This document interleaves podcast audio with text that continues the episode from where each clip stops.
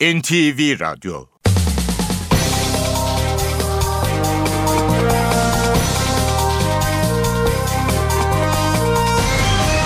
İşe Giderken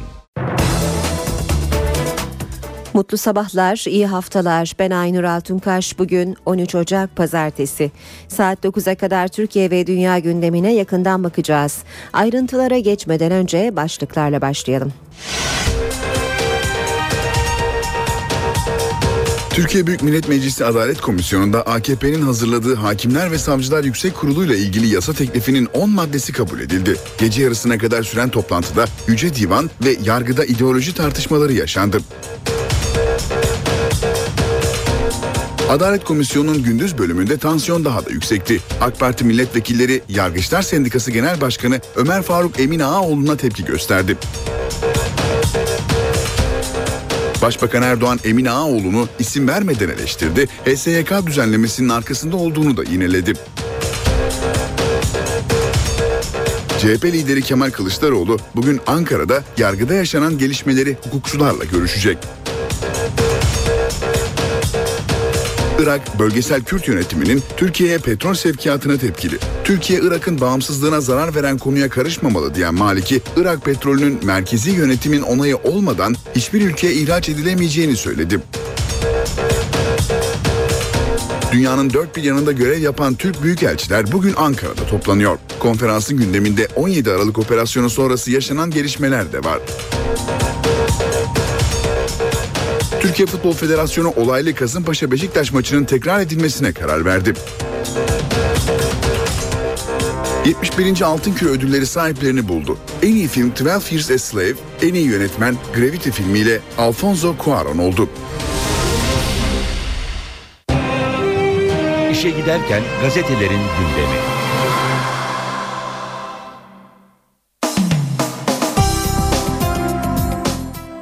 Gündemdeki gelişmelerin gazetelere nasıl yansıdığına bakacağız şimdi. Hürriyet gazetesiyle başlıyoruz. Hürriyet manşette bu mu kader? 12 yaşında evlendirildi, 13 yaşında anne oldu, 14 yaşında öldü diyor. 181 bin çocuk gelinin olduğu Türkiye'de Ünzile sadece bir şarkının kahramanı değil, can yakan, bugün olduğu gibi yüzümüzde patlayan bir gerçek. Siirt'te 12'sinde gelin edilen, 13'ünde anne olan Kader, Erten'in, Kader Erten'in kısacık hayatı, 14'ünde doğurduğu ikinci bebeğini kaybettikten kısa süre sonra dört duvar arasında sona erdi. 7 aylık hamileyken eşi askere giden Kader'in cansız bedeni silahla vurulmuş halde bulundu. Damadın ailesi şimdi erken doğan bebek öldüğü için bunalımdaydı, intihar etti diyor. Savcılık ölümünü şüpheli bularak soruşturma başlattı. İntihar ettiği kesinleşirse dosya kapanacak. Kimse kader hiç yaşadı mı diye sormayacak diyor Hürriyet manşetinde. Devam edelim hürriyetten yine. Sen kimsin haddini bil Erdoğan'dan Emine Ağoğlu'na. Başbakan Erdoğan Yargıçlar Sendikası Başkanı Ömer Faruk Emine Ağoğlu'nun Adalet Komisyonu'nda konuşmak istemesiyle yaşanan uçan tekmeli kavgayı değerlendirdi. Bunlar hukukçu falan değil. Bu işin militanı. Sen kimsin bir defa haddini bil. Senin konuşma yapacağın yer başka yer. İlla burada konuşmaya çok meraklıysan o mensubu olduğun zihniyet seni milletvekili yapar. Gelirsin o zaman orada konuşursun dedi. Devam edelim yine hürriyetten sözlerimiz yalama oluyor başlığıyla. Meclisteki kavgaya Başkan Cemil Çiçek de tepki gösterdi. Söylüyoruz da ne oluyor? Sözlerimiz havada kalıyor, yalama oluyor dedi. İhbar mektubumu bile onlar yazdı. Oda TV davasından bir yıl cezaevinde yatan Nedim Şener son günlerdeki sürece bakışını anlatmış. Hrant Dink cinayetinde cemaatçi polisleri yazınca bunlar hakkında ihbar maili yazıp soruşturma açtılar. Devletteki paralel yapı en tehlikelisi ancak hükümetin de bunun oluşmasında sorumluluğu var diyor Nedim Şener. Geçelim milliyete. Susuz yaz manşetiyle çıkmış Milliyet. Yağışların tüm ülkede ortalamaların altında olması yaz mevsimi için endişe yaratıyor. Daha bunlar iyi günlerimiz diyen uzmanların önerisi tasarruf. 2013'te Adana mevsim normallerinden %39,3 daha az yağış aldı. Onu %29,7 ile İstanbul, 26,3 ile Ankara takip etti. Barajların doluluk oranlarındaki endişe verici durum akıllara bu yaz susuz mu geçecek sorusunu getirirken Meteoroloji Mühendisleri Odası Başkanı Sıtkı Erduran iklim değişikliğine dair en kötü senaryoya doğru gidiyoruz diyor. Başbakan Erdoğan'ın Emine Ağaoğlu'na çıkışı bir defa haddini bil başlığıyla Milliyet gazetesinde de yer almış. Yine kavga başlığını okuyoruz. HSYK ile ilgili teklifin görüşüldüğü Adalet Komisyonu çalışmaların üçüncü gününde de kavga ile e, üçüncü gününe de kavga ile girdi. Önceki gün AK Parti milletvekili Zeyid Aslan'ın uçan tekmesine maruz kalan Ömer Faruk Emine Ağaoğlu komisyona dün de gelmesine rağmen tepkiler nedeniyle yine konuşamadı. Gerginliğin ardından Emine Ağaoğlu polisler tarafından meclisten dışarı çıkarıldı. HSYK teklifi görüşmeleri sırasında mecliste saldırıya uğrayan ve dün Adalet Komisyonu'ndan çıkarılan Yargıçlar Sendikası Başkanı Emine Ağoğlu yaşadıklarını şöyle anlatıyor. Önce akla hayale gelmeyecek küfürler ettiler. Elimi kolumu çektiler. Sırtıma e, sırtıma su şişeleri attılar. Bununla yetinmediler. Yüzümü tekmelediler. Bu bana değil hukuka, yargıya yönelik bir saldırıdır. Arkeolojide bir ekoldü. Halet Çambel hayatını kaybetti. Türkiye'nin en önemli arkeologlarından ülkede kültürel mirasın korunması konusunda öncü isim olan Profesör Halet Çambel 98 yaşında öldü. 1936 Berlin Olimpiyatlarına katılarak Türkiye adına yarışan ilk kadın sporcu unvanını da alan Çambel bu oyunlar sırasında gelen Hitler'le tanışma teklifini rejimini onaylamıyorum diyerek reddetmişti. Devam edelim Sabah gazetesiyle manşet Millet paralel tuzağın farkında. Gener anketi 17 Aralık operasyonunun fotoğrafını çekti diyor sabah. Anket sonuçlarını yayınlıyor. Buna göre operasyonun cemaatle ilgisi var mı diyenlerin oranı %73, cemaat paralel devlet kurdu mu diyenler %73,9, operasyonda dış güçlerin etkisi var mı diyenler 70,6, amaç Türkiye'nin önünü kesmek mi diyenler %63,3 ve cemaat CHP ittifakına oy verir misiniz diyenlerin oranı hayır diyenlerin oranı %94,3. Bir diğer başlık sabahtan 4 yıllık açık lise. Dershanelerin dönüşümüyle ilgili yasa taslağı tamamlandı. Açık lise süresi 4 yıl olacak. Dönüşüm kapsamına anaokulları ve yurtlarda alınacak teşvik kademeli olacak. Hemen dönüşene ultra teşvik verilecek. Geçelim Zaman Gazetesi'ne. 3 yılda ne değişti ki HSYK'da şimdi geri adım atılıyor. 2010'daki referandumda evet diyen eski ülkücülerin görüşlerine yer vermiş zaman. Avukat İrfan Sönmez, referandum hukuksuzluğa karşı milletin verdiği bir cevaptı. Operasyon bahanesiyle HSYK'nın yapısının değiştirilmesi yanlış derken Seyfi Atmalıoğlu, referandumda kendi partimiz MHP bile bizi hain ilan etti. Başbakan da biliyor. 3 yılda ne değişti değişti ki değişikliğe gidiliyor görüşünü dile getirdi. Star gazetesiyle devam edelim. Başbakanı suçla serbest bırak Başbakanı suçla serbest bırakalım diyor. Star manşette. 17 Aralık operasyonunun sorgu odasında tezgahlanan sinsi plan diyor Star. Savcı zanlıları tehdit etti. Rüşveti Başbakan Erdoğan için aldık deyin. Sizi tutuklamayalım. Bir bakanın oğluna da şantaj yapıldı. İfadende Erdoğan istedi de hükümeti düşür tarihe geç diyor. Star gazetesi manşetinde. Devam ediyoruz. Basın özetlerine işe giderken de Cumhuriyete bakalım takasa karşıyız diyor Cumhuriyet'in manşeti. Af değil beraat istediklerini söyleyen başbu yolsuzluk örtülsün gibi bir takas düşüncemiz yok diyor. Yeniden yargılama tartışmasının yolsuzluk operasyonunu gölgelediği iddialarını Silivri'den değerlendiren eski Genelkurmay Başkanı İlker Başbu yeniden yargılama karşılığında yolsuzluk örtülsün gibi bir takas düşüncesi yok. Önemli olan mağduriyetlerin bir an önce giderilmesi dedi. Başbuğ KCK'lılar da yeniden yargılanmalı mesajı verdi. Hasta tutuklulara çok üzüldüklerini söyleyen başbuğ, koca karargahı tutukladılar, genelkurmaydan ses çıkmadı eleştirisi getirdi. Başbuğun, balyozda Yargıtay'ın mahkumiyet kararlarını onadığı genç subaylar var. Onlar emeklilik haklarını kazanamadılar. Aileleri perişan, onlara çok üzülüyoruz ifadeleri dikkat çekti. Bir başka başlık yine Cumhuriyet Gazetesi'nden fırtına koparırız. Bu sözler CHP İstanbul Belediye Başkan adayı Mustafa Sarıgül'e ait CHP'nin İstanbul adayı Sarıgül, Bakırköy Özgürlük Meydanı'nı sabahın erken saatlerinden itibaren dolduran binlerce yurttaşa seslendi diyor Cumhuriyet. Sarıgül yaptığı konuşmada İstanbul'un 25 ilçesinde çok iyi durumda olduklarını belirterek biraz daha çalışmaları durumunda büyük bir fırtına koparabileceklerini söyledi. Dosyada delil yokmuş. 18 faili meçhulün davasında Çillere ilişkin takipsizliğin gerekçesi diyor Cumhuriyet.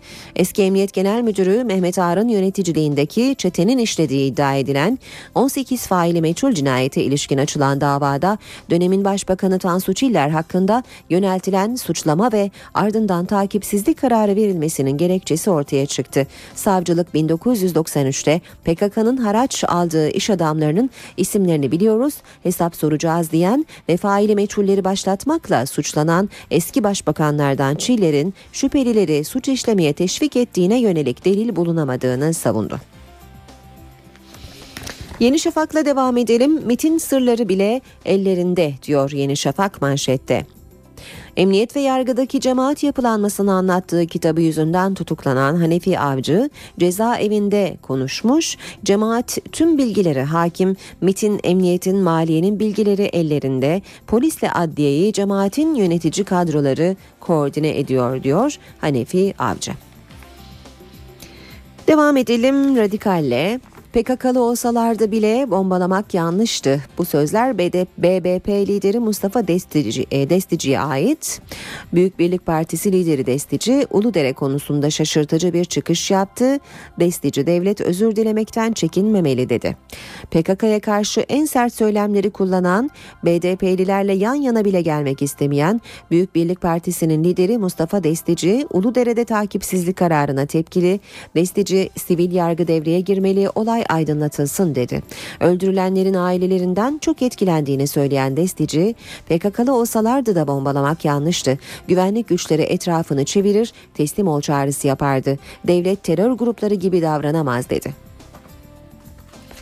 Ve Habertürk'e bakalım son olarak. Ambulanslı komisyon diyor Habertürk manşette. HSYK teklifini görüşen Adalet Komisyonu dün kavgaya karşı tedbirli toplandı. Ambulans getirildi deniyor haberin devamında. Saat 7.17 şimdi gündeme yakından bakalım. Meclis Adalet Komisyonu'nda AKP'nin hazırladığı Hakimler ve Savcılar Yüksek Kurulu ile ilgili yasa teklifinin 10 maddesi kabul edildi. Gece geç saatlere kadar süren komisyon toplantısında muhalefet milletvekilleriyle Adalet Bakanı Bekir Bozdağ arasında Yüce Divan ve yargıda ideoloji tartışması yaşandı. Adalet Komisyonu'nun zaman zaman tartışmalarla geçen toplantısı gece yarısından sonra bitti. 10 madde kabul edildi. AK Partili milletvekillerinin önergeleriyle teklifteki iki madde metinden çıkarıldı. Buna göre Adalet Komisyonlarındaki yetkiyi HSYK yerine Adalet Bakanlığı'na veren madde metinden çıkarıldı. Komisyonda CHP ve MHP'li üyeler Adalet Bakanlığı'nın anayasaya aykırı biçimde bağımsız yargı ilkesini zedeleyecek derecede yetkilendirildiğini belirttiler ve Adalet Bakanı'nın bu gerekçeyle Yüce Divan'a gidebileceğini söylediler. MHP'li Faruk Bal, Bozdağ, bu düzenlemeler size apoletlerine yıldız takılmış bir orgeneral yetkisi veriyor dedi. Bakan Bozdağ ise Yüce Divan'da yargılanmamız gündeme gelirse bundan da çekinmeyiz diye konuştu. Biz de hata yaptık diyen Bozdağ, keşke geçmişte bazı kovuşturmaların muhatapları farklı olduğunda sesimiz daha gür çıksaydı ifadelerini kullandı. Bozdağ, yargı ideolojilere ait olmasını istedik. Ama ortaya çıkan durumda yargı bir ideolojiden başka bir ideolojiye döndü diye konuştu. Bu sözlere tepki gösteren muhalefet milletvekilleri Bozdağ'dan o ideolojilerin ne olduğunu açıklamasını istedi. Bozdağ ise malumun ilanına gerek yok diye konuştu. Hakimler ve Savcılar Yüksek Kurulu'nun yapısıyla ilgili düzenlemeyi görüşen Adalet Komisyonu'nun toplantısının gündüz bölümünde tansiyon daha da yüksekti. AK Parti milletvekilleri salonda Yargıçlar Sendikası Genel Başkanı Ömer Faruk Emin Ağaoğlu'nu görünce tepki gösterdi. Hakimler ve Savcılar Yüksek Kurulu'nun yapısını değiştiren yasa teklifinin görüşmelerinde 3. günde olaylı geçti. Adalet Komisyonu'nda henüz maddeler üzerindeki görüşmeler başlamadan tartışma başladı.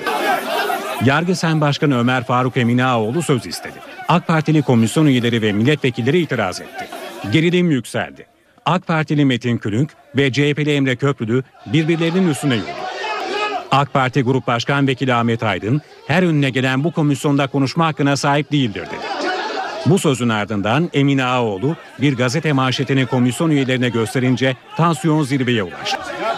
CHP Grup Başkan Vekili Engin Altay gazeteyi Emine Ağaoğlu'nun elinden aldı. AK Partililer Emine Ağaoğlu'nun üstüne yürüyünce CHP'liler Yargı Sen Başkanı'nın etrafında çember oluşturdu.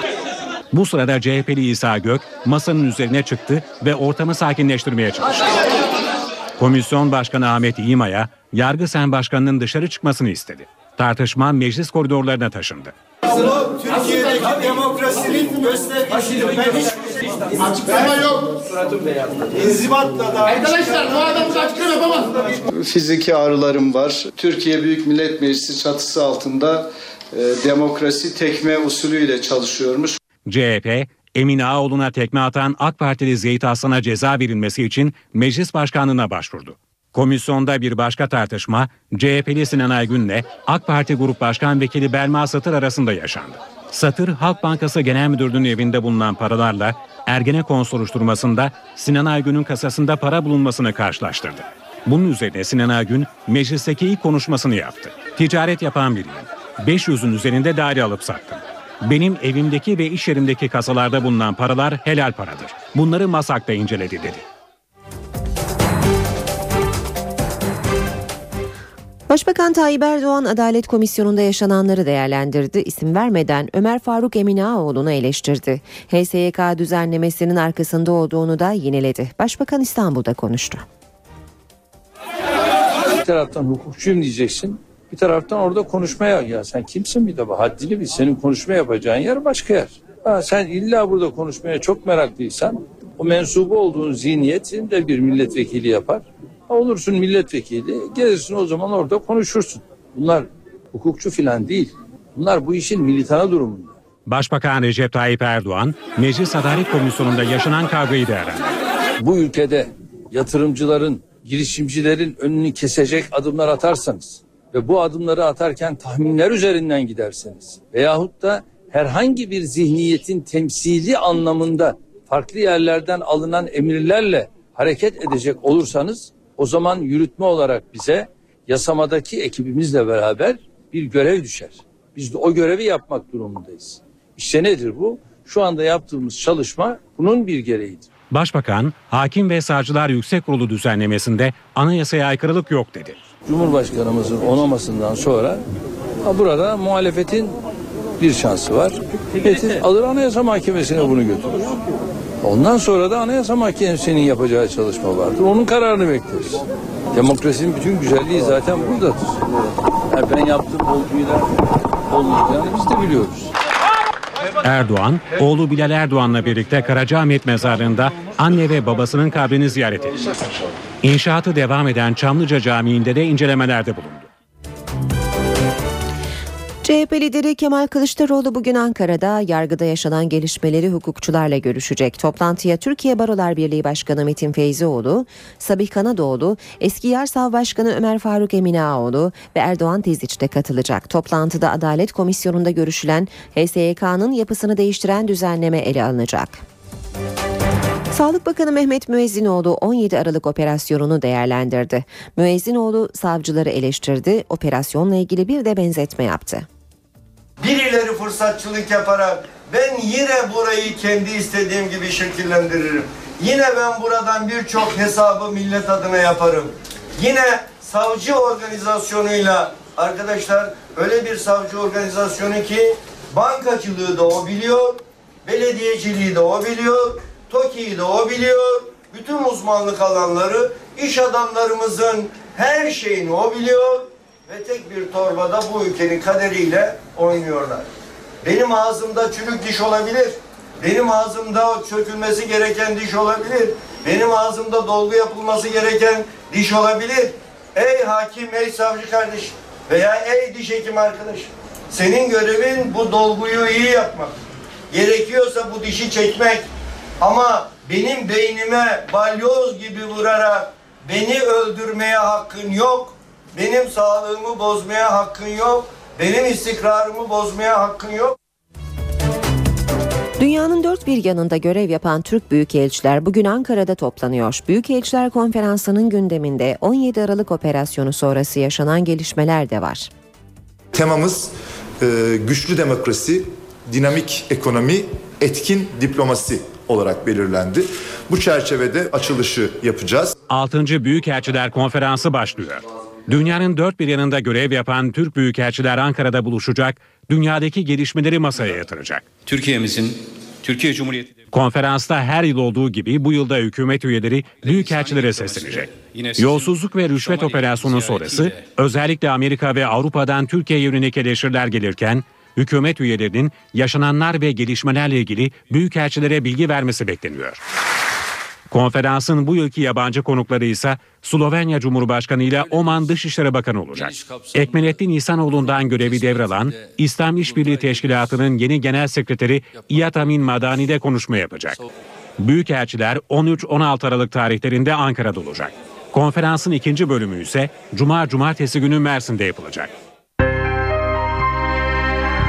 İşe giderken Irak Bölgesel Kürt Yönetimi'nin Türkiye'ye petrol sevkiyatına tepkili. Irak Başbakanı Nuri El Maliki, Türkiye Irak'ın bağımsızlığına zarar veren konuya karışmamalı dedi. Türkiye'nin Bağdat Büyükelçiliği Maslahat Güzarı da Başbakan yardımcılığına çağrıldı. Irak petrolünün petrol bakanlığı yoluyla ihracatı dışında bir yolu hiçbir zaman kabul etmeyeceğiz. Ne Kuzey Irak için ne de Türkiye için bu asla kabul edemeyeceğimiz bir anayasa ihlali. Önlemlerimiz var. Irak'ın petrolü Iraklılar için ve Kuzey Irak, Irak petrolünün %17'sini üretiyor. O bölgenin petrolü merkezi hükümete devredilmek zorunda. Türkiye, Irak'ın bağımsızlığına zarar veren bu konuya karışmamalı. Irak Başbakanı Nuri El Maliki, Kuzey Irak Bölgesel Kürt Yönetiminden Türkiye'ye petrol sevkiyatına bu sözlerle karşı çıktı. Maliki, Türkiye'ye petrol sevk etmesi halinde bölgesel Kürt yönetimine federal bütçeden kaynak aktarılmayacağını da vurguladı. Konu sadece Maliki'nin yorumlarıyla sınırlı kalmadı. Başbakan Yardımcısı Hüseyin El Şehristani, Bağdat Büyükelçiliği Maslahat Güzarı Efe Ceylan'ı konutuna çağırarak görüştü. Görüşmenin ardından Şehristani, Irak hükümetinin Türkiye'yi bu konuda sorumlu tuttuğunu söyledi ve kayıplarını isteme hakkını saklı tuttuğunu kaydetti. Şehristani, Türk yetkililerin Irak Petrol Bakanlığı'nın Kürt bölgesinden ihraç edilen petrol miktarını görmesini engellediğini iddia etti. Kuzey Irak Bölgesel Kürt Yönetimi geçen hafta ham petrolün Türkiye'ye gönderilmeye başlandığını, ihracatında bu ay sonu başlayacağını açıklamıştı. Dışişleri Bakanı Ahmet Davutoğlu dün Suriye halkının dostları çekirdek grubu toplantısı için Paris'teyken Amerikalı mevkidaşı John Kerry ile bir araya geldi. Ortak basın açıklamasında konuşan Amerika Dışişleri Bakanı Kerry, Amerika'nın Türkiye'nin iç siyasetine karışma çabası yok dedi. Dışişleri Bakanı Ahmet Davutoğlu dün Paris'te ABD'li mevkidaşı John Kerry ile görüştü. Suriye halkının dostları çekirdek grubu toplantısı için Fransa'da bulunan iki bakanın görüşmesi ABD'nin Paris Büyükelçiliğinde gerçekleşti. İki bakan basına kapalı gerçekleşen görüşme öncesi kısa bir basın açıklaması yaptı. Amerika Birleşik Devletleri Dışişleri Bakanı John Kerry, ülkesinin Türkiye'nin iç siyasetine karışma çabasında olmadığını söyledi. Amerika Birleşik Devletleri'nin yaklaşan seçimler öncesi Türkiye'nin iç siyasetine müdahil olmak, karışmak gibi bir çabası olamaz ve yoktur da. Sanırım bunu Sayın Bakan'a da anlatabilmişimdir. Biz sorunu yaratmak değil, birbirlerinin sorunlarını çözmek için çalışan iki müttefiyiz. Dışişleri Bakanı Davutoğlu da iki ülke arasında kriz dönemlerinde bile güçlü ilişkilerin korunduğunu hatırlattı. Türk-Amerikan ilişkileri uluslararası siyaset arenasında en güçlü ilişkilerdendir. Bu durum Soğuk Savaş sırasında ve sonrasında Balkanlarda, Afganistan'da ve dünyanın her yanında böyle devam etmiştir.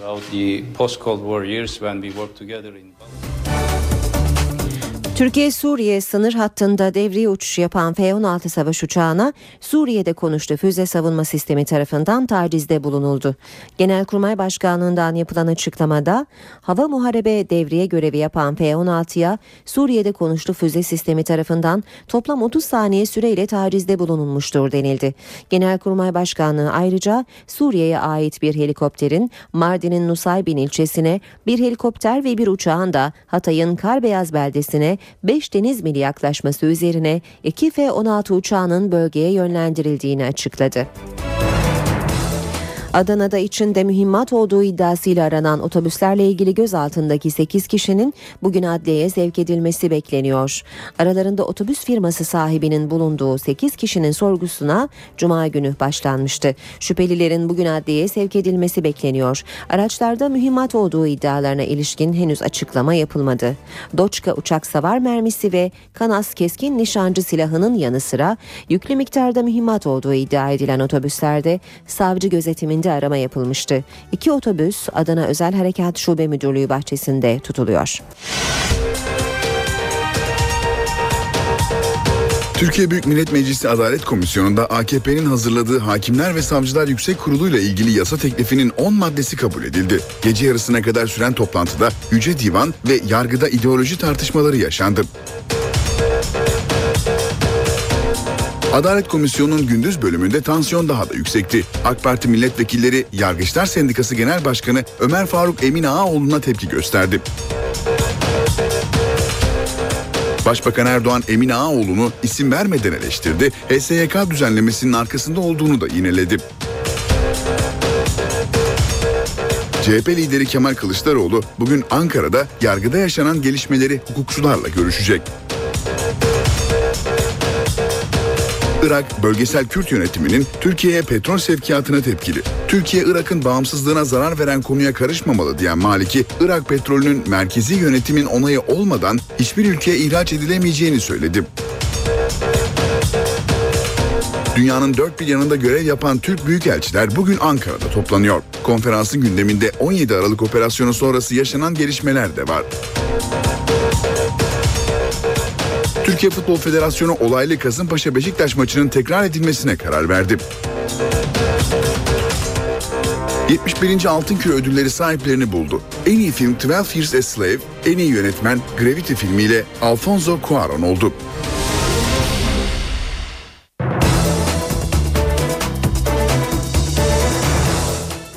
Gündemin öne çıkan haberlerine bakmaya devam edelim. Milli Görüş marka oldu. Necmettin Erbakan'ın markalaşması talimatı verdiği Milli Görüş, Saadet Partisi adına tescil edildi. Milli Görüş düşüncesi, merhum Başbakan Necmettin Erbakan'ın kurduğu Milli Nizam, Milli Selamet, Refah, Fazilet ve Saadet Partilerinin siyasi görüşü olarak benimsenmişti. Milli Görüş fikrinin yanlış amaçlarla kullanılmasının engellenmesi için marka tescili yapıldığı bildirildi. Saadet Partisi ayrıca ilgili web adresinin de patentini aldı. CHP'nin İstanbul Büyükşehir Belediye Başkan adayı Mustafa Sarıgül Bakırköy'de seçim mitingi düzenledi. Sarıgül, trafikle ve kentsel dönüşümle ilgili vaatlerde bulundu. Seçimi kazanıyoruz. Bir dakika vallahi billahi bak. CHP'nin İstanbul Büyükşehir Başkan adayı Mustafa Sarıgül, Bakırköy Cumhuriyet Meydanı'nda halka seslendi. Güzel İstanbul'umuzun artık bilimsel çalışmalara dayalı ama planlı bir gelişmeye ihtiyacı var. Size şunu sormak isterim. İstanbul'da gelişi güzel değil, planlı çalışmanın zamanı geldi mi? Peki kentsel dönüşümü yıkım olmaktan, mutsuzluktan çıkarmanın zamanı geldi mi? Peki merak etmeyin. O bölgede yaşayan yurttaşlarımızın yüzde yüzünün onayı olmadan bir tek binayı dahi bana Allah'tan başka kimse yıktıramaz. Ulaşımı yeni baştan düzenleyeceğiz. İstanbul trafiğinin çilesine sosyal demokratlar son verecek. Sarıgül gençlere de seslenerek internetin özgür olacağını söyledi. İnternetin yasaklanmasını istemiyorsanız mümkün olan her noktada ücretsiz internet istiyorsanız 30 Mart akşamı güzel oylarınızla, alın terinizle, emekle bunu inşallah biz başaracağız. Bir buçuk yıldır uygulanan denetimli serbestlik kapsamında 110 bin mahkum tahliye edildi. Tahliye edilenlerden bin kişinin yeniden suç işlediği bildirildi. Denetimli serbestlik düzenlemesiyle 110 bin mahkum tahliye edildi. Tahliye edilenlerin %1'i yeniden suç işledi. Denetimli serbestlik düzenlemesi bir yıldan daha az cezası kalan ve açık cezaevinde kalan hükümlerin serbest bırakılmasını öngörüyor. Ceza ve Tevkif Evleri Genel Müdür Yardımcısı Selami Candebir, kanun kapsamında tahliye edilenler hakkında bilgi verdi. Bir buçuk yılda 110 bin kişinin denetimli serbestlik uygulaması kapsamında tahliye edildiğini söyleyen Candebir, tahliye edilenlerden yaklaşık bin kişinin yeniden suç işlediğini bildirdi. Şırnak, Van ve Diyarbakır'da düzenlenen fuhuş operasyonunda aralarında asker ve iş adamlarının da olduğu 40 kişi tutuklandı. Polis 3 ilde eş zamanlı operasyon başlattı. 200 polisin katıldığı operasyonda 52 kişi gözaltına alındı. Aralarında kamu görevlisi, iş adamları ve askerlerin de olduğu 40 kişi çıkarıldıkları mahkemece tutuklanarak cezaevine gönderildi. Olayın ardından soruşturmaya gizlilik kararı getirildi. AK Parti Telekomünikasyon İletişim Başkanlığı'na yeni yetkiler getiren bir yasa teklifi verdi. Teklife göre TİB Başkanı fuhuşla ilgili şikayetlerde arkadaşlık ve evlilik siteleri de dahil mahkeme kararı olmadan erişimi engelleyebilecek. Mecliste görüşülen torba tasarıya eklenmek üzere verilen teklifle TİB Başkanı'na fuhuşla ilgili şikayetlerde de mahkeme kararı olmadan erişimi doğrudan engelleme yetkisi getiriliyor. Mevcut yasada TİB Başkanı'nın bu yetkisi sadece intihara yönlendirme ve müstehcenlik suçlarını kapsıyordu. 12 yaşında evlendirildi, hemen ertesi yıl çocuğu oldu. Erken doğan ikinci çocuğunu ise kaybetti ve doğumdan iki gün sonra da kendisi ölü bulundu. 12 yaşında evlendirildi, peş peşe iki çocuk doğurdu. 14 yaşındaki çocuk ikinci bebeğinin hayatını kaybetmesinin ardından evde ölü bulundu. Van'ın Çatak ilçesinde yaşayan Kader E, iki yıl önce ailesinin zoruyla Mehmet A ile evlendirildi. Kız çocuğu Siirt Pervari'ye gelin olarak gönderildi. Resmi nikah olmayan Mehmet A ve ailesiyle yaşayan Kader E 13 yaşında anne oldu. Bir yıl sonra da ikinci çocuğuna hamile kaldı. Kocası askere giden Kader E'nin erken doğumla dünyaya gelen ikinci bebeği yaşamını yitirdi.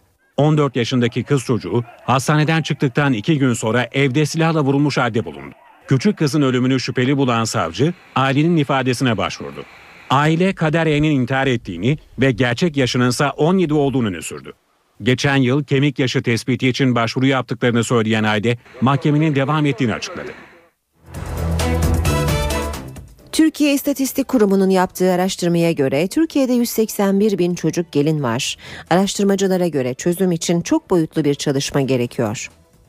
Bunun bir ihbar olarak ihbar kabul etmesini istiyoruz. Kader öldü ama kaderi öldürenleri şöyle bir sıralayalım. Karar verenler, e, nikahı kıyan imam, belki davullu zurnalı e, düğününe koltuğun altında hediyesiyle gidenler. 14 yaşındaki Kader Er'in ölümü çocuk gelinler sorununu bir kez daha gündeme taşıdı. Uçan Süpürge Derneği Başkanı Halime Güner, bu sorunun çözümü için öncelikle çocuk yaşta evlendirilmenin bir insan hakları ideali olduğu kabullenilmeli görüşünde. Güner'e göre çözüm için çok faktörlü bir çalışma yürütmek gerekiyor bu konuda acil servisteki doktorların hele hele çocukların evlenmesine karar veren e, resmi hakimlerin, savcıların bunlarla ilgili olan kurumların yasal yaptırımları takip etmesi lazım. E, kemik yaşının ölçülmesi gerekiyor. Anne baba bu konuyla ilgili çocuğum evlenebilir izni vermemesi için yasaların değişmesi gerekiyor. Dicle Üniversitesi'nin araştırmasına göre Güneydoğu'da evliliklerin %38'i 18 yaş altı. Bunların %16'sı 12-15 yaş arası çocuklar. %50'si akraba evliliği. Halime Güner, çocuk gelinlerin önüne geçmek için Diyanet İşleri Başkanlığı'na da çağrıda bulundu. İmam nikahı yasal değil, bu nikahı kıyan imamın hapse girmesi gerekiyor. Diyanet İşleri Başkanı bütün imamları bu konuda sorumlu tutmalı. Eğer yapılan bu olaylar karşısında cezai yaptırımı yapmadığınız sürece toplum bunu sürdürmeye devam edecek. Çalışma ve Sosyal Güvenlik Bakanı Faruk Çelik, Şubat ayında 1620 engelli vatandaşın devlet memuru olarak atanacağını bildirdi. Çelik yazılı açıklama yaptı. Ölçme Seçme ve Yerleştirme Merkezi'ne yapılacak başvuruların 27 Ocak'ta başlayıp 3 Şubat'ta sona ereceğini belirten Faruk Çelik, atamaların en kısa sürede ÖSYM tarafından yapılacağını belirtti.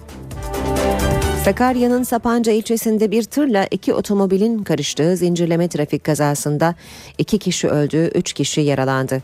Kaza Uzunkum köyü yakınlarında oldu. Adapazarı yönüne giden bir otomobil karşı yönden gelen tırla çarpıştı. Tırla birlikte sürüklenmeye başlayan otomobil aynı yönde giden başka bir otomobile daha çarptı. İki kişi olay yerinde hayatını kaybetti, üç kişi de yaralandı. İstanbul Kadıköy'de yangın çıkan apartmanda mahsur kalan 94 yaşındaki bir kadın hayatını kaybetti. Dün saat 18 sıralarında Moda Hülya Sokak'ta 6 katlı bir apartmanın 3. katında yangın çıktı. Alevler kısa sürede yayıldı. Yol kenarında bir duvarın çökme ihtimaline karşı alınan bariyer önlemi itfaiyenin geçişini engelledi. Ekip bariyerleri kaldırdıktan sonra yangına müdahale edebildi. İçeride mahsur kalan 94 yaşındaki Sebahat Tüysüzoğlu duman dumandan zehirlenerek hayatını kaybetti.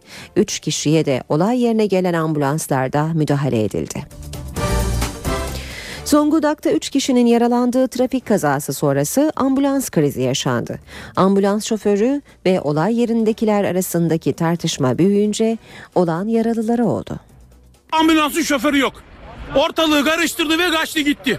Otomobil iş makinesiyle çarpıştı, 3 kişi yaralandı. Yaralılar ambulansa bindirildi. Ama şoför ortada yok.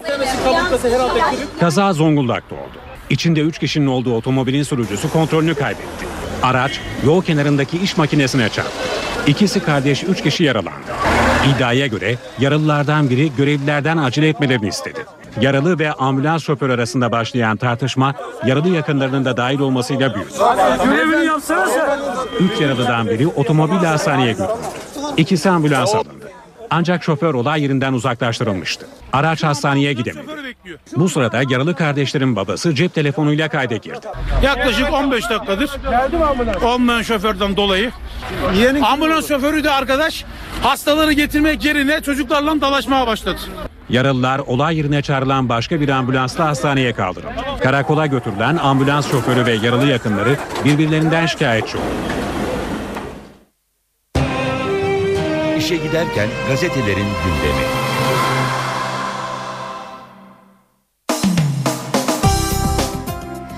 Gazetelerden şimdi spor haberleri aktaracağız. Önce foto maça bakacağız. Kasımpaşa Beşiktaş maçı tekrar diyor. Foto maç sürmanşette.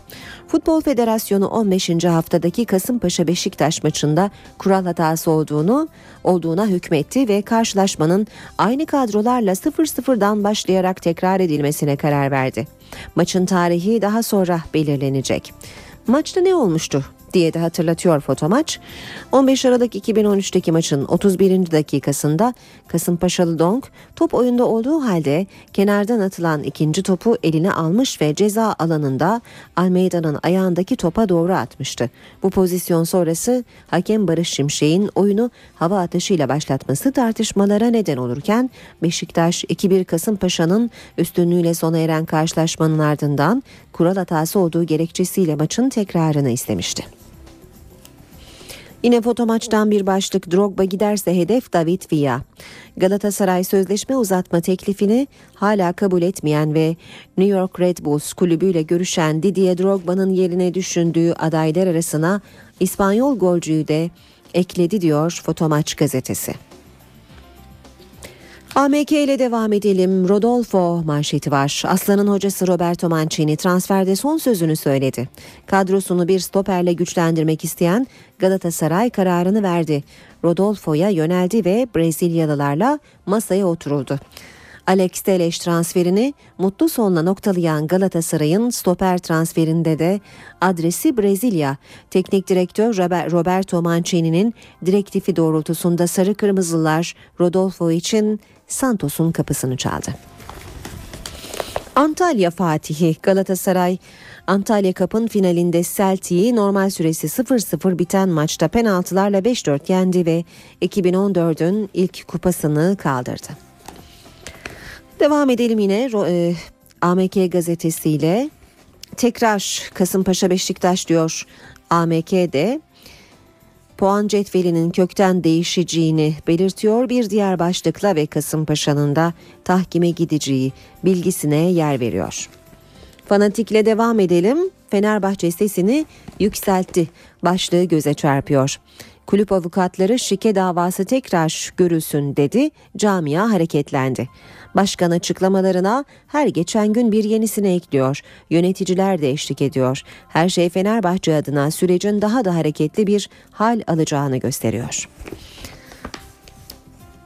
Merkez Hakem Kurulu bırakıyor. Maçın ardından bir televizyon kanalına bağlanan Merkez Hakem Kurulu Başkanı Zekeriya Alp, hakem Barış Şimşek'i savunmuş, kural hatası olmadığına vurgu yapmıştı. Kasımpaşa Beşiktaş maçından söz ediyor haber. Ancak federasyon yönetimi konuyla ilgili aksi bir karar verince Merkez Hakem Kurulu da acil toplantı kararı aldı. Zekeriya Alp'in karardan çok rahatsız olduğu ve Federasyon Başkanı Yıldırım Demirören'e istifasını sunabileceği öğrenildi deniyor haberde. Donk'un hareketi çok konuşulmuş hocası Şota da oyuncusunu eleştiren bir açıklama yapmıştı. Fanatikte manşet Alex Teleş artık aslanın. Galatasaray'da mutlu son. Galatasaray'ın gönderdiği teminat bugün Gremio'nun elinde olacak. Oyuncunun menajeri de Cimbom kaynakları da bitti diyor. Artık sadece resmi açıklama için bekleniyor. Brezilyalı yıldızsa son idmana çıkmadığı eşyalarını toplamaya başladı. İlk kupa Cimbom'un başlığını Fanatik'te de görüyoruz. Son iki sezonun lig ve süper kupa şampiyonu Galatasaray 2014'ü de kupayla açtı. Cimbom Türk Hava Yolları Antalya Cup finalinde Celtic'i penaltılarla yıkıp kupayı havaya kaldırdı. Avrupa Arda'yı konuşuyor. Atletico Madrid Barcelona maçı berabere bitti. Kazanan Arda Turan oldu. Avrupa basını milli futbolcuya övgüler yağdırdı. Arda maç sonu Messi ile forma değiştirdi. Samimi görüntüler verdi. Şimdi gazetelerin spor sayfalarını da çevireceğiz. Spor gazetelerinden sonra Milliyet'in sayfalarını önce çevirelim. Yeniden başlasın. Türkiye Futbol Federasyonu Yönetim Kurulu Kasımpaşa Beşiktaş maçı için kararını verdi diyor Milliyet gazetesi de. Merkez Hakem Kurulu ne yapacak sorusu var. Türkiye Futbol Federasyonu yönetiminin tekrar kararı sonrasında gözler Merkez Hakem Kurulu'na çevrildi. Merkez Hakem Kurulu Başkanı Alp'in bugün arkadaşlarıyla ardından da Federasyon Başkanı Yıldırım Demirören'le bir toplantı yapacağı belirtildi. Az önce de aktarmıştık spor gazetelerinden. Mancini'den 2014 dersleri. Galatasaray'ın teknik patronu Antalya kampında sezonun ikinci yarısı için özel çalışmalar yaptırıyor. Üç kulvarda yarışan sarı kırmızılı takımdaki rotasyonu genişletecek olan İtalyan teknik adam Belek'te kondisyon değil taktik antrenmanlara ağırlık veriyor. Savunma oyuncuları arasındaki uyumu artırmayı hedefleyen Roberto Mancini set hücumu yerine kontratak felsefesi aşılıyor. Milliyetten haberlere devam ediyoruz. Kulübeye 22 kişi. Rize Spor Teknik Direktörü Rıza Çalınbay'dan ilginç öneri. Süper Lig'deki yabancı kontenjanı konusunda fikrini söyleyen Çalınbay, kulübeleri genişletin 22 kişi yapın dedim. Eğer ben 10 tane yabancı alıyorsam tribünde olması yanlış. Benim düşüncem kulübeyi geniş tutarsak daha iyi olabilir. Mola gibi bir şey de konuşuldu. Bu olursa büyük değişiklik olur dedi. Uyandırma servisi 2-1 Fenerbahçe Antalya kampındaki ilk hazırlık maçında Alanya Spor'a yenilirken pek de iyi görüntü vermedi. Savunmasında zaman zaman ciddi arızalar gösteren Sarı Lacivertler Gökhan ve Aydın'ın golleriyle iki farklı geriye düşerken Alper sonucu belirledi diyor Milliyet gazetesi. Ve son olarak da Hürriyet gazetesine bakacağız. Hürriyet'te de Merkez Hakem Kurulu'nun gündemi istifa başlığı göze çarpıyor. Zekeriya Alp tüm üyeleri tek tek arayıp olağanüstü toplantıya çağırdı. Futbol Federasyonu yönetimine kural hatası yok diye görüş belirtmesine rağmen aksi yönde karar çıkması üzerine kurulunu toplantıya çağıran Alp bu toplantı çağrısını istifa işareti olarak yorumlayabilir miyiz sorusuna siz bilirsiniz yanıtını vermiş. NTV Radyo Herkese yeniden günaydın. Ben Aynur Altunkaş. Gökhan Abur yanımızda birazdan son hava tahminlerini konuşacağız. Önce gündemin başlıklarını hatırlayalım. Türkiye Büyük Millet Meclisi Adalet Komisyonu'nda AKP'nin hazırladığı Hakimler ve Savcılar Yüksek Kurulu ile ilgili yasa teklifinin 10 maddesi kabul edildi. Gece yarısına kadar süren toplantıda Yüce Divan ve yargıda ideoloji tartışmaları yaşandı. Adalet Komisyonu'nun gündüz bölümünde tansiyon daha da yüksekti. AK Parti milletvekilleri Yargıçlar Sendikası Genel Başkanı Ömer Faruk Emin Ağaoğlu'na tepki gösterdi. Başbakan Erdoğan Emin Ağaoğlu'nu isim vermeden eleştirdi. HSYK düzenlemesinin arkasında olduğunu da yineledi. CHP lideri Kemal Kılıçdaroğlu bugün Ankara'da yargıda yaşanan gelişmeleri hukukçularla görüşecek. Irak bölgesel Kürt yönetiminin Türkiye'ye petrol sevkiyatına tepkili. Türkiye Irak'ın bağımsızlığına zarar veren konuya karışmamalı diyen Maliki, Irak petrolünün merkezi yönetimin onayı olmadan hiçbir ülkeye ihraç edilemeyeceğini söyledi. Dünyanın dört bir yanında görev yapan Türk büyükelçiler bugün Ankara'da toplanıyor. Konferansın gündeminde 17 Aralık operasyonu sonrası yaşanan gelişmeler de var. Türkiye Futbol Federasyonu olaylı Kasımpaşa Beşiktaş maçının tekrar edilmesine karar verdi. 71. Altın Küre ödülleri sahiplerini buldu. En iyi film 12 Years a Slave, en iyi yönetmen Gravity filmiyle Alfonso Cuarón oldu. Ülkemiz susuz, e, yağmursuz günler geçiriyor. Susuz yaz başlıklarını görüyoruz bugün gazetelerde. Hakikaten de e, yağışlar beklendiği kadar değil. Gökhan Abur e, nedir yağış durumu ülkemizde? Evet söylediğiniz gibi aslına bakarsanız çok uzun süredir özellikle Karadeniz bölgemiz ki Karadeniz bölgesinden başlamak istiyorum. Alışık değil böyle Evet. şeylere. Ama e, yağışlar bugün Karadeniz'de başlıyor. Sabah saatlerinin gece saatlerinden başlayarak özellikle Batı Karadeniz'de hafif yağışlar başlamıştı. Bolu, Karabük, Kastamonu arasında hafif yağışlar var. Şu an itibariyle devam ediyor ki Kastamonu'daki yağışlar kar şeklinde. Ama önümüzdeki saatler içinde artan bulutlanmaya bağlı olarak Sinop'tan başlayarak Artvin'e kadar olan bölgede kuvvetli olarak yağışlar başlayacak. Bu yağışlar kıyı kesimlerde yağmur, yükseklerde karla karışık yağmur ve kar şeklinde olacak. Yağışların aralıklarla etkisini yarın da sürdürmesini bekliyoruz. Aynı şekilde şu an itibariyle güneyde Kahramanmaraş Gaziantep arasında hafif yağış geçişleri var. Doğuda hava çok soğuk, nehirler dondu, göle, göller dondu. Hakikaten çok soğuk bir hava var. E, hafif de olsa çok soğumaya bağlı olarak hafif kar yağışları oluşabiliyor ama şu anda yok. Önümüzdeki saatler içinde yine Van Hakkari ve özellikle Erzurum, Kars, Ardahan arasındaki bölgede çok hafif yağış geçişleri görülebilecek. Aynı şekilde bugün e, Ege çok bulutlu özellikle Güney Ege'deki artacak bulutlanmanın İzmir'in güney ilçelerinden başlayarak kısa süreli yağışlar bırakmasını bekliyoruz ama bunlar çok kısa süreli yağışlar. İstanbul'da haftanın ilk üç günü yağış yok. Perşembe günü akşam saatlerinde hafif yağış olasılığı var. Bu yağışlar çok kuvvetli değil ama batı bölgeler çok büyük olasılıkla önümüzdeki hafta pazartesi günden itibaren kuvvetli yağışların etkisi altına girecek. Bu yağışlara beraber Ege'yi, Akdeniz'i, Marmara'yı, Karadeniz'i ve iç kesimleri etkisi altına alacak ki hakikaten bu yağışlara e, hepimizin ihtiyacı var. E, bu yağışlar büyük olasılıkla yer yer kuvvetli olmak üzere önümüzdeki hafta içine devam edecek. Kuzeyde çok derin bir alçak basınç var Karadeniz bölgesinde. Zaten onun getirdiği nemle beraber Karadeniz'deki yağışların bugün kuvvetlenmesini bekliyoruz. Ama İnebolu açıklarında ki e, denizcilere uyarmak istiyorum. Özellikle Sinop İnebolu açıklarında Lodos kuvvetli hatta yer yer açıklarda fırtınaya yakın esecek denizciler dikkatli olsun. Sisten çok kısa bahsetmek istiyorum. Gece saatlerinde İstanbul'da Boğaz trafiği kapatılmıştı. Ee, şu anda İstanbul'da çok hafif bir pus var. İstanbul'da bugün beklediğimiz en yüksek sıcaklık 12 derece civarında olacak. Ee, Çanakkale'de şu anda e, deniz trafiğini aksatan bir sis var. Bunun da ilerleyen saatlerde etkisini kaybetmesini bekliyoruz. Marmara'nın güneyinde iç kesimlerdeki sis etkisini sürdürmeye devam edecek. Öğleden sonra tamamen kaybolacak. Doğuda da yer yer etkili sis var. Ankara'da sıcaklık şu anda 0 derece beklediğimiz en yüksek sıcaklık 4 derece civarında olacak. İzmir Körfez'de pus var şu an itibariyle ve İzmir'de bugün beklediğimiz sıcaklık en fazla 14 derece ama akşama doğru bölgede kısa sürede olsa yağış görülebilecek. Evet. Evet bizleri bekleyen koşullar böyle. Gökhan Abur teşekkürler. İşe giderken gazetelerin gündemi.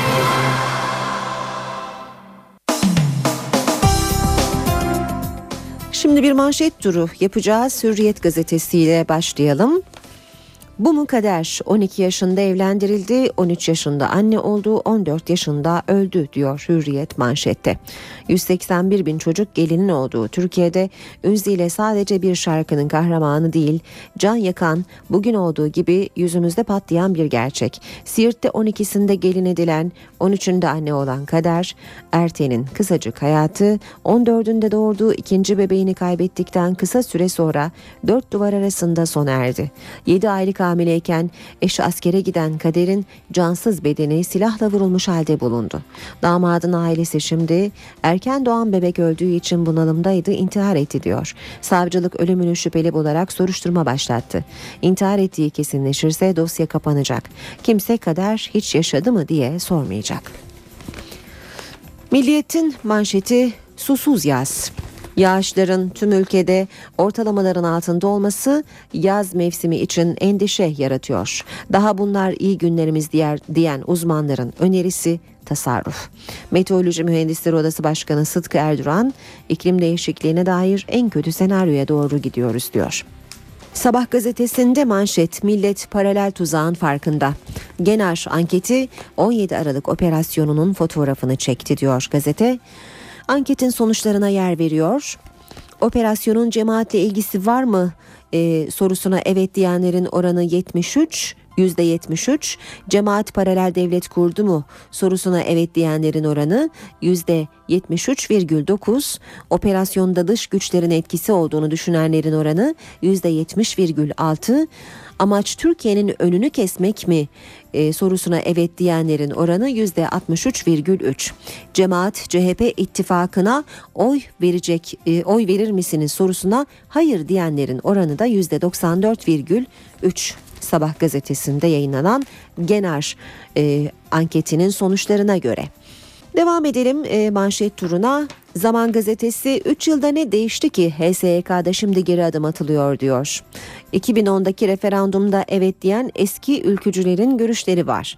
Avukat İrfan Sönmez, referandum hukuksuzluğa karşı milletin verdiği bir cevaptı. Operasyon bahanesiyle HSYK'nın yapısının değiştirilmesi yanlış derken Seyfi Atmalıoğlu, referandumda kendi partimiz MHP bile bizi hain ilan etti. Başbakan da biliyor, 3 yılda ne değişti ki değişikliğe gidiliyor diyor. Habertürk'te manşet ambulanslı komisyon. HSYK teklifini görüşen Adalet Komisyonu dün kavgaya karşı tedbirli toplandı. Ambulans getirildi. Cumhuriyet gazetesi manşette takasa karşıyız demiş. Af değil beraat istediklerini söyleyen başbuğ yolsuzluk örtülsün gibi bir takas düşüncemiz yok diyor. Yeniden yargılama tartışmasının yolsuzluk operasyonunu gölgelediği iddialarını Silivri'den değerlendiren eski Genelkurmay Başkanı İlker Başbuğ yeniden yargılama karşılığında yolsuzluk örtülsün gibi bir takas düşüncesi yok. Önemli olan mağduriyetlerin bir an önce giderilmesi dedi. Başbuğ KCK'lılar da yeniden yargılanmalı mesajı verdi. Star'ın manşeti Başbakanı suçla serbest bırakalım. 17 Aralık operasyonunun sorgu odasında tezgahlanan sinsi plan ortaya çıkıyor diyor Star. Savcı zanlıları tehdit etti. Rüşveti Başbakan Erdoğan için aldık diyen e, deyin sizi tutuklamayalım. Bir bakanın oğluna da şantaj yapıldı. İfadende Erdoğan istedi de hükümeti düşür tarihe geç. Yeni Şafak'la bitireceğiz. MIT'in sırları bile ellerinde diyor Yeni Şafak manşetinde. Emniyet ve yargıdaki cemaat yapılanmasını anlattığı kitabı yüzünden tutuklanan Hanefi Avcı cezaevinde konuşmuş. Cemaat tüm bilgileri hakim, MIT'in, emniyetin, maliyenin bilgileri ellerinde. Polisle adliyeyi cemaatin yönetici kadroları koordine ediyor diyor Hanefi Avcı. Saat 8.17 NTV Radyo'da birlikteyiz. Başkent gündemine bakacağız. Şimdi karşımızda NTV muhabiri Deniz Kilislioğlu var. Deniz günaydın. Günaydın. Adalet Komisyonu'nda yine tartışmalı bir gün geride kaldı. Gece yarısını geçti görüşmeler. Yasa teklifinin HSYK ile ilgili düzenlemenin ilk 10 maddesi kabul edildi. E, komisyon toplantısı bugün de devam edecek mi Deniz? Neler söyleyeceksin? Evet devam edecek. Aslında hem dün 3 e, günlük bir e, gergin tansiyonlu görüşme olmuştu. Dün de yine e, tansiyon yüksekti görüşmelerde. E, Yargısen Başkanı Ömer Faruk Eminaoğlu dün bir kez daha söz istedi. Eminaoğlu'nun ayağa kalkmasıyla birlikte de AK Parti AK Partili komisyon üyeleri ve milletvekilleri itiraz etti. Ardından da AK Partili Metin Külük ve CHP'li Emre Köprülü birbirinin üzerine yürüdü. Komisyon Başkanı Ahmet İma'ya Yargısen Başkanı'nın dışarı çıkmasını istedi. Tartışmanın da meclis koridorlarına kadar taşındığını söyleyelim. Adalet Bakanı Bekir Bozdağ da e, bu düzenlemenin ikiliyi ortadan kaldırmaya ve doğru e, elden yürümesi teminine yönelik bir çalışma olduğunu, yargıya müdahale anlamına gelmediğini söyledi. E, üç günün ardından bugün de Meclis Adalet Komisyonu görüşmelerine e, devam edecek. Tabii Başkent yine e, yoğun bir haftaya e, başladı. E, Başbakan Erdoğan uzak doğu temaslarını tamamlamıştı. Yurda döner dönmez de yoğun bir görüşme trafiğinin içine girmişti. İstanbul'da kurmaylarıyla bir araya geldikten sonra dün akşam Ankara'da da Başbakan Yardımcısı Beşir Atalay, İçişleri Bakanı Efkan Ala ve Ulaştırma Bakanı Lütfi Elvan'la bir araya gelmişti resmi konutunda. E, tabii başta Hakimler Savcılar Yüksek Kurulu düzenlemesi, düzenlemeye ilişkin tepkiler, yolsuzluk ve rüşvet operasyonuna ilişkin son gelişmeler e, ve Başbakanın yine uzak doğu temasları e, görüşülmüştü. Bugün bütün bu konular Bakanlar Kurulu'nun da gündeminde olacak. Başbakan Erdoğan başkanlığında toplanıyor Bakanlar Kurulu. Bu gelişmelerin yanı sıra da dershanelere ilişkin yasa tasarısının nihai hali de masaya yatırılabilir. Bunu da bir not olarak aktarmış olalım. Bakanlar Kurulu'nun hemen öncesinde Başbakan Erdoğan Genelkurmay Başkanı Necdet Özel'le görüşecek. Kurul toplantısının ardından da Parti Partisi'nin Merkez Yürütme Kurulu'nda yine gelişmeleri değerlendirecek. CHP e, liderinin programıyla devam edelim.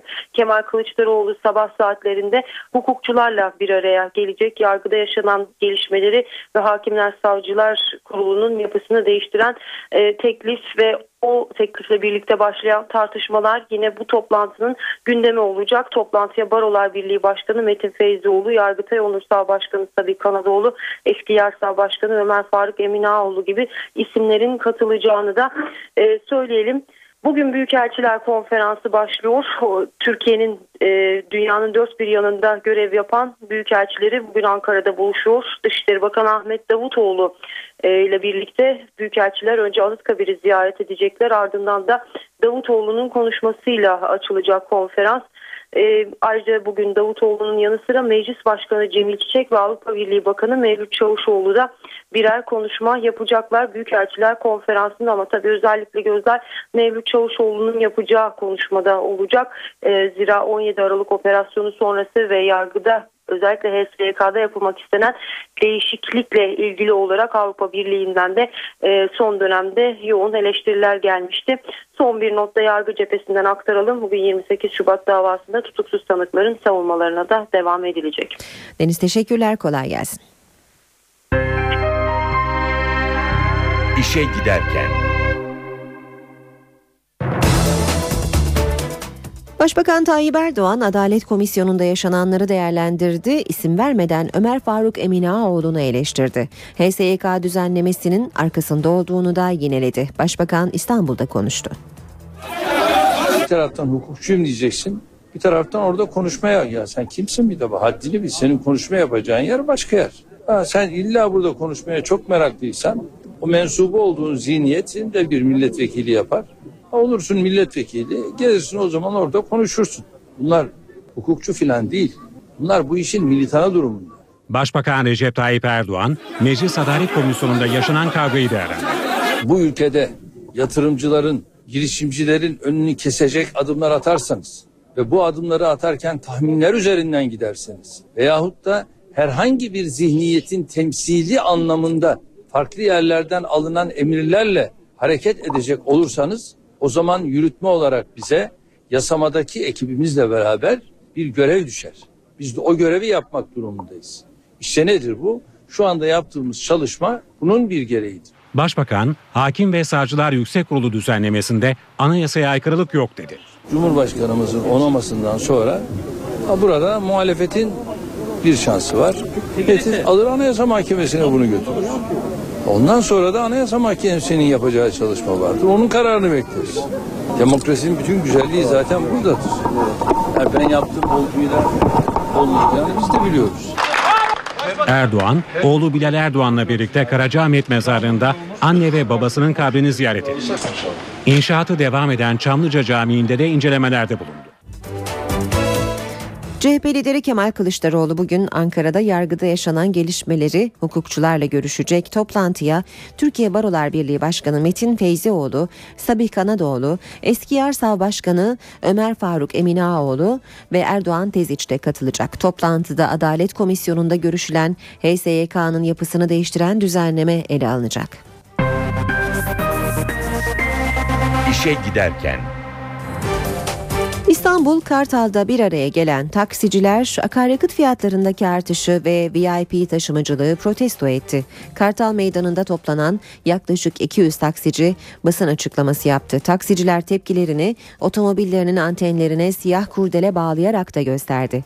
Eylemciler ayrıca geçen günlerde kullandığı taksinin bagajında öldürülmüş olarak bulunan Harun Ömür içinde saygı duruşunda bulundu. Taksiciler basın açıklamasının ardından kortej oluşturup kısa bir tur attıktan sonra dağıldı. İstanbul Kadıköy'de emekli olmak için yaşlarının dolmasını bekleyenlerin eylemi vardı. Eylem renkli ama katılım oldukça düşüktü. Yalnızca adalet istiyoruz. Boyunlarında zincir, ayaklarında çuval. Yaşları dolmadığı için emekli olamayanlar İstanbul'da eylem yaptı. Yılların yorgunu İMF'nin mağduru oldu. Emeklilik yok oldu. Kadıköy Boğa heykeli önünde toplanan grup sloganlar eşliğinde rıhtıma kadar yürüdü.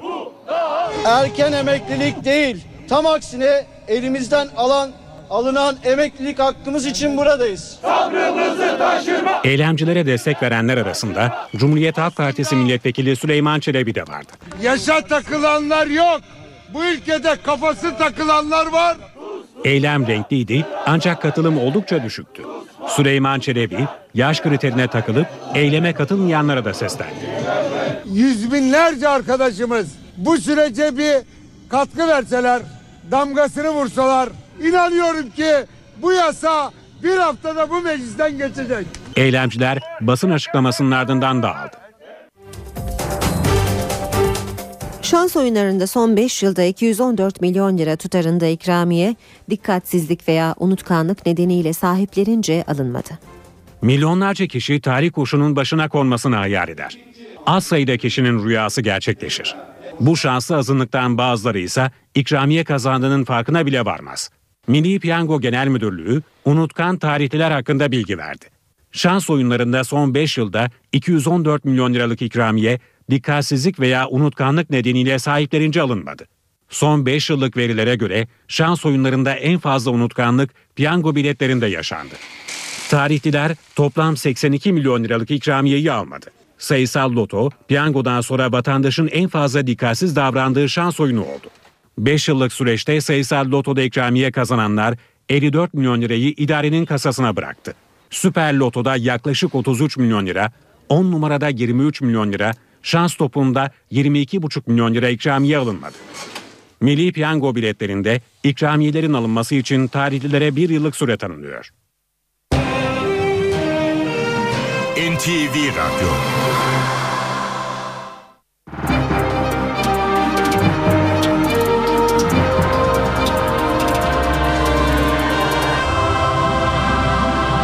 Ekonomi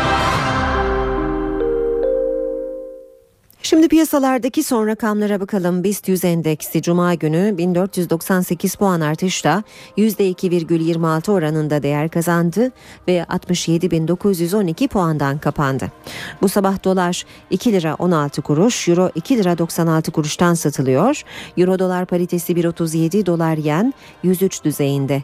Altının onsu 1252 dolar, kapalı çarşıda külçe altının gramı 87, çeyrek altın 153 liradan satılıyor. Brent petrolün varili 107 dolar.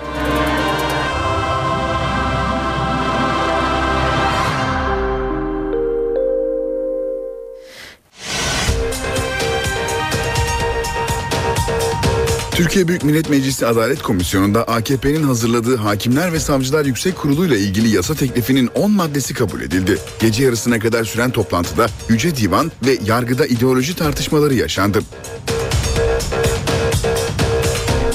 Adalet Komisyonu'nun gündüz bölümünde tansiyon daha da yüksekti. AK Parti milletvekilleri Yargıçlar Sendikası Genel Başkanı Ömer Faruk Emin Ağaoğlu'na tepki gösterdi. Başbakan Erdoğan Emin Ağaoğlu'nu isim vermeden eleştirdi. HSYK düzenlemesinin arkasında olduğunu da yineledi. CHP lideri Kemal Kılıçdaroğlu bugün Ankara'da yargıda yaşanan gelişmeleri hukukçularla görüşecek. Irak Bölgesel Kürt Yönetimi'nin Türkiye'ye petrol sevkiyatına tepkili. Türkiye Irak'ın bağımsızlığına zarar veren konuya karışmamalı diyen Maliki, Irak petrolünün merkezi yönetimin onayı olmadan hiçbir ülkeye ihraç edilemeyeceğini söyledi. Dünyanın dört bir yanında görev yapan Türk büyükelçiler bugün Ankara'da toplanıyor. Konferansın gündeminde 17 Aralık operasyonu sonrası yaşanan gelişmeler de var. Türkiye Futbol Federasyonu olaylı Kasımpaşa Beşiktaş maçının tekrar edilmesine karar verdi. 71. Altın Küre ödülleri sahiplerini buldu. En iyi film 12 Years a Slave, en iyi yönetmen Gravity filmiyle Alfonso Cuarón oldu. Ee, yeni günün yeni haberlerinden e, biri var programımızın son dakikalarında 71. Altın Küre ödülleri sahiplerini buldu. Ödül töreni Amerika Birleşik Devletleri'nin Los Angeles kentindeydi. Ödülleri aktaralım şimdi. Üç dalda ödül kazanan American Hustle e, geceye damga vurdu. Film komedi müzikal dalında en iyi film seçilirken Amy Adams ve Jennifer Lawrence'a oyunculuk ödülleri kazandırdı. Gravity filmi Alfonso Cuarón en iyi yönetmen ödülü getirdi. E, Cuarón'a en iyi yönetmen ödülü getirdi. Bu yıl birçok festivalde övgü ve ödül toplayan 12 Years a Slave en iyi film ödülüne layık görüldü. Matthew McConaughey Dallas Buyers Club'daki performansıyla en iyi erkek oyuncu seçilirken Kate Blanchett da Blue Jasmine'le en iyi kadın oyuncu seçildi.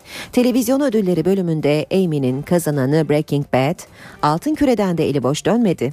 E2'nin sevilen dizisi en iyi dizi drama dalında Altın Küre'yi kazanırken başrol oyuncusu Bryan Cranston da en iyi erkek oyuncu ödülüne uzandı. Ve bir spor haberiyle noktalayalım. Programımızın spor sayfaları bölümünde de aktarmıştık. Türkiye Futbol Federasyonu olaylı Kasımpaşa Beşiktaş maçının tekrar edilmesine karar verdi. Takımlar sahaya aynı kadrolarıyla çıkacak. Maçın tekrar tarihi ise henüz belirlenmedi. Bu arada bu kararın ardından Merkez Hakem Kurulu da bugün olağanüstü toplanma kararı aldı. Bu haberle işe giderken sona eriyor. Hoşçakalın. NTV Radyo